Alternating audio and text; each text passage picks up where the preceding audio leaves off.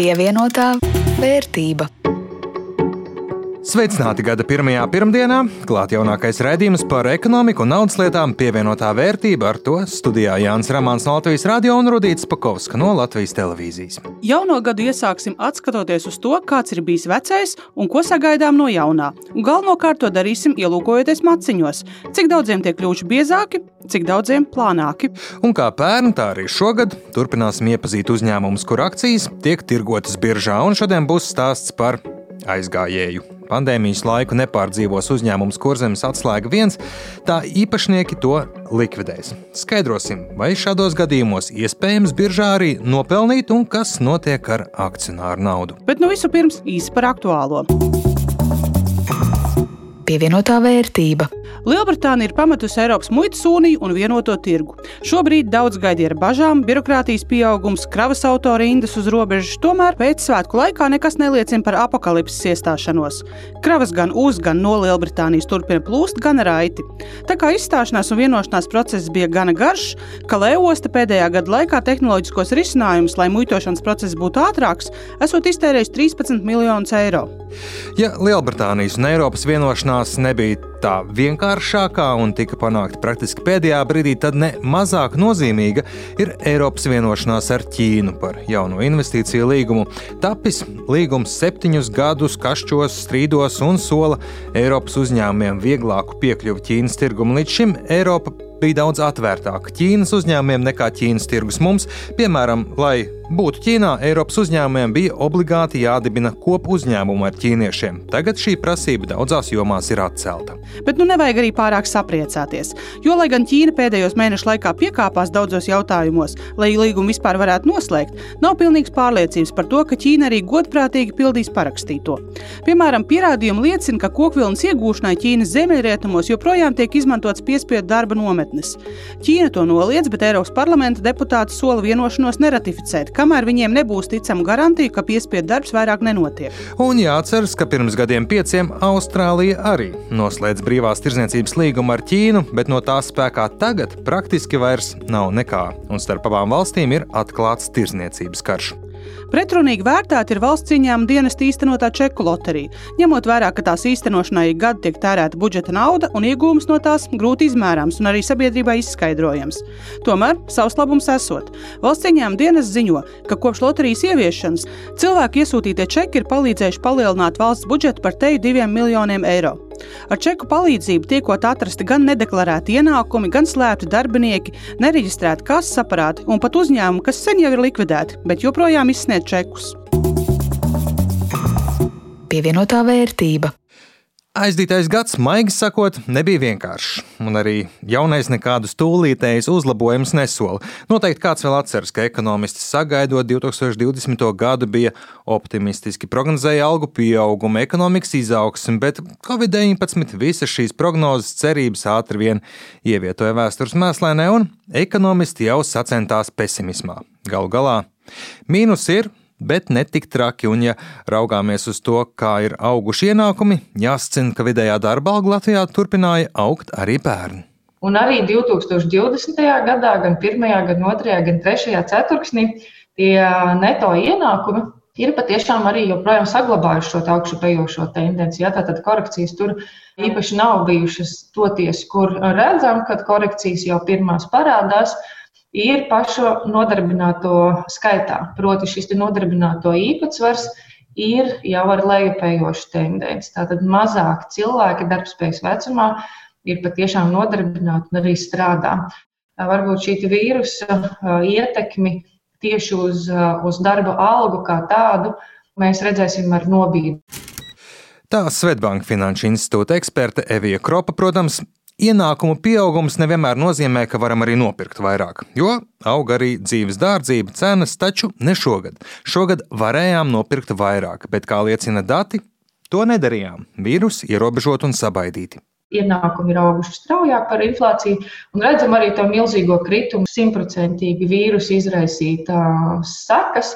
Par to, nu, ka maisaimniecība patēriņš ir krietni vien samazinājies tieši otrajā ceturksnī, ja kā, kā sekas varbūt tai pirmajai. Izsludinātajai ārkārtas situācijai, kad gan bija ierobežotas iespējas šos te tēriņus veikt, gan arī, protams, tāds piesardzīgums vispār naudu tērēt, jā, jo es pieļauju, ka ļoti daudz savas prioritātes ļoti pārvērtēja un arī pārorientēja to naudas plūsmu, kas varbūt ir tāda ļoti ikdienišķa uz, uz pilnīgi citādi, jo arī pat, pat ikdienas kārtība bija citādāka.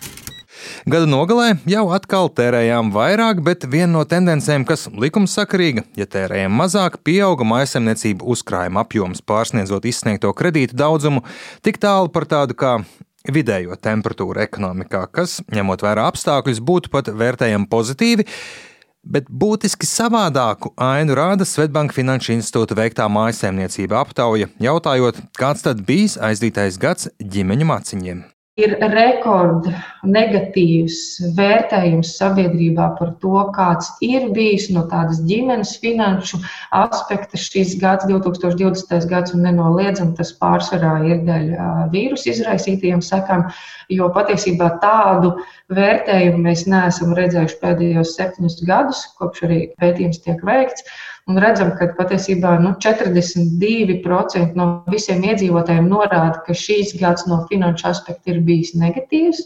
Tātad ir bijusi negatīva ietekme. Viņu ģimenes mājasaimniecības, ģimenes finanšu situācija ir pasliktinājusies. Turklāt aptuveni 14% pasliktinājusies būtiski, kas arī nav mazsvarīgi. Un 42% savukārt norāda, ka tā situācija ir vairāk vai mazāk palikusi tāda pati, kā tā bija 2019. gadā. Bet kas ir svarīgi, kāpēc šis te ir septiņu gadu laikā negatīvākais vērtējums par aizvadīto gadu? Tas ir tāpēc, ka šim negatīvajam vērtējumam pretim nav līdzvērtīga vai pat lielāka sabiedrības daļa, kas saka, ka man šis gads uzlabojās un patiesībā nemaz tik slikti nebija. Un tad tas kopējais sentiments par to, kāds ir bijis 2020. gads, ir izteikti negatīvs. Aptauja liecina, ka lielai daļai, 37% sabiedrības, mēneša beigās ir grūti tā teikt savilkt galus kopā, nomaksāt visus rēķinus, un, ja ir uzkrājumi nebaltai dienai, tie jau tiek likti lietā. Daudz maisaimniecībām uzkrājuma apmērs ir samazinājies, proti, ir gājis mīnus zīmē, jau, un tie ir 46%. Un šis ļoti sasaucas kopā ar to, kā rekorda augstiem uzkrājuma apjomiem, bet mēs redzam, ka tās korekcijas būs, jo to jau iedzīvotāji jau aptaujā norāda, ka 46% gadījumu ir nācies ķerties klāt saviem uzkrājumiem, jā, lai nodrošinātu kaut kādas savas vajadzības. Bet kā iedzīvotāji raugās nākotnē?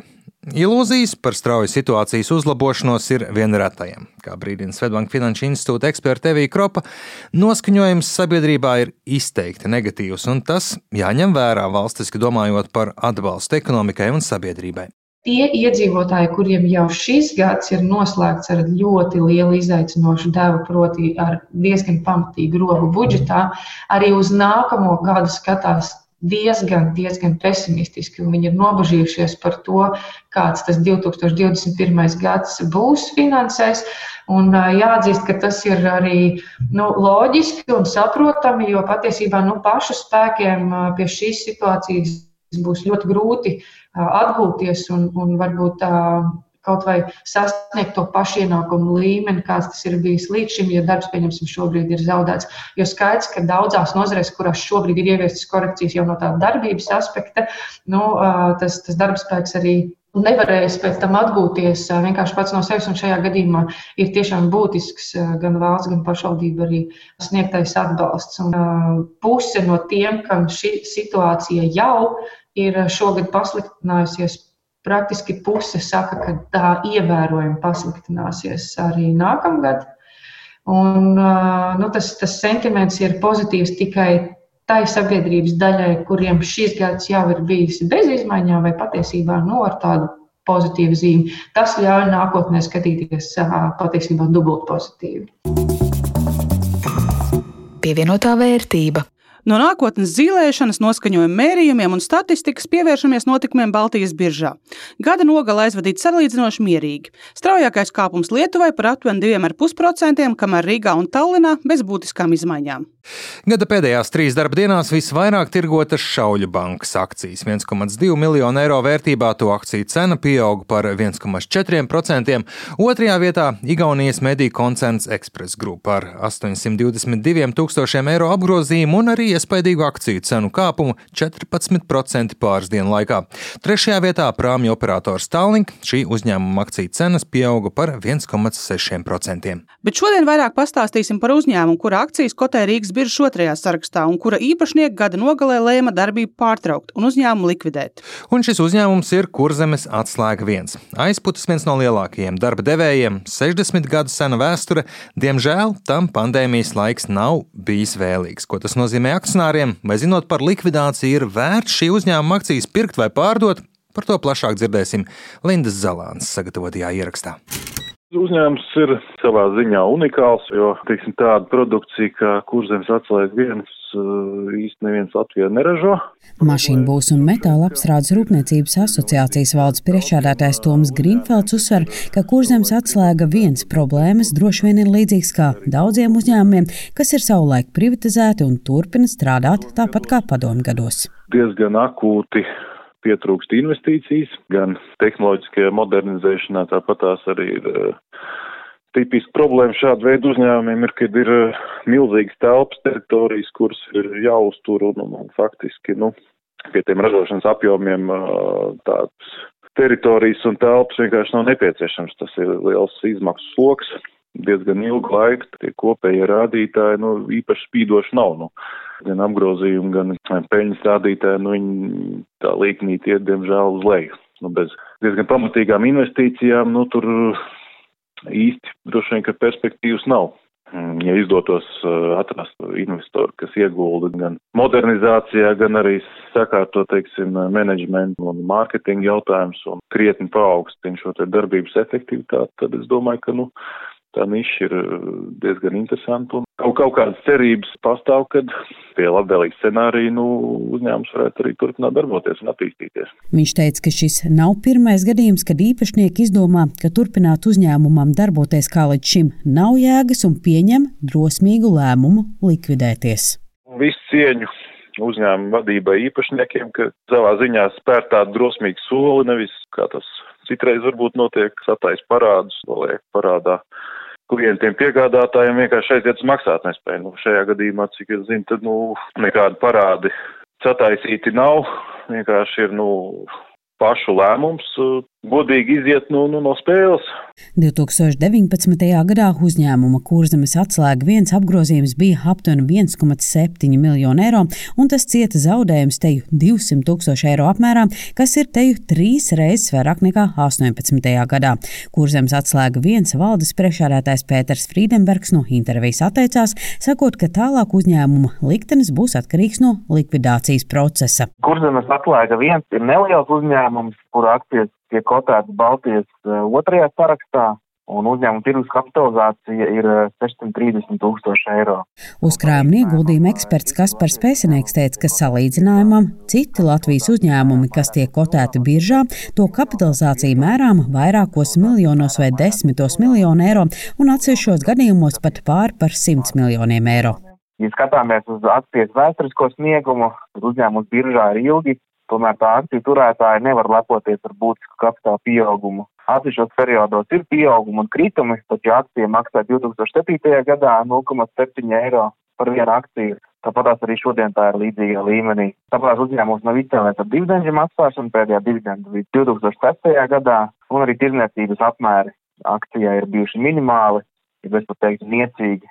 Vērtējot finanšu rādītājus, pēcinieks teica, ka uzņēmums ilgstoši ir strādājis svārstīgi, un 2020. gada pirmajā pusgadā uzņēmuma vadība pārskatā min, ka darbība ietekmējas pandēmija, un tās rezultātā arī pēc tam pieņems lēmums par likvidāciju. Ja būtu tā, ka uzņēmumam līdzekļu apmērs pārsniedz saistības, tad varētu pirkt uzņēmuma akcijas ar nolūku saņemt šo prēmiju, ja to, kas paliks pēc tam pāri. Tāpēc ir svarīgi saprast, kāda ir bilances vērtība. Uz šī gada 30.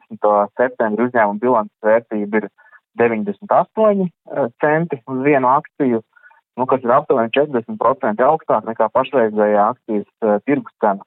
Un no šāda aspekta varētu šķist, ka varbūt pat ir vērts pirkt akcijas un mēģināt saņemt šo prēmiju, taču es eh, neteiktu, ir jāpasaka, kas ir uzņēmuma aktīva pusē. Uzņēmuma aktīvi ir 1,3 miljonu eiro, trešdaļa no tiem ir zemes gabala ēkas un būves, trešdaļa no aktīviem ir izēvielas, nepabeigtie un gatavie ražojumi. Vēl aktīvu pusē ir vairāk nekā 200 tūkstoši eiro pircēju un pasūtītāju parādi, un iespējams daļa būs neatgūstami. Vienīgie likvidie aktīvi ir naudas līdzekļi, kas pērn septembrī bija 87 tūkstoši eiro, tomēr arī kopējās saistības ir lielas, teju 400 tūkstoši eiro.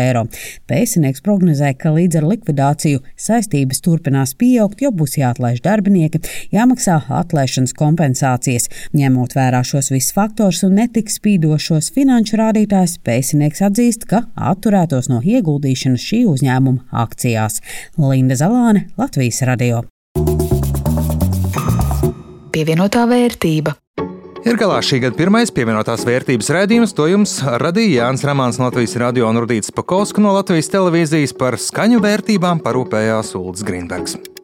Šo un citus mūsu raidījumus varat atrast un noklausīties gan Latvijas radio mājaslapā, gan populārākajās podkāstu vietnēs. Uz tikšanos pēc nedēļas! Pievienotā vērtība.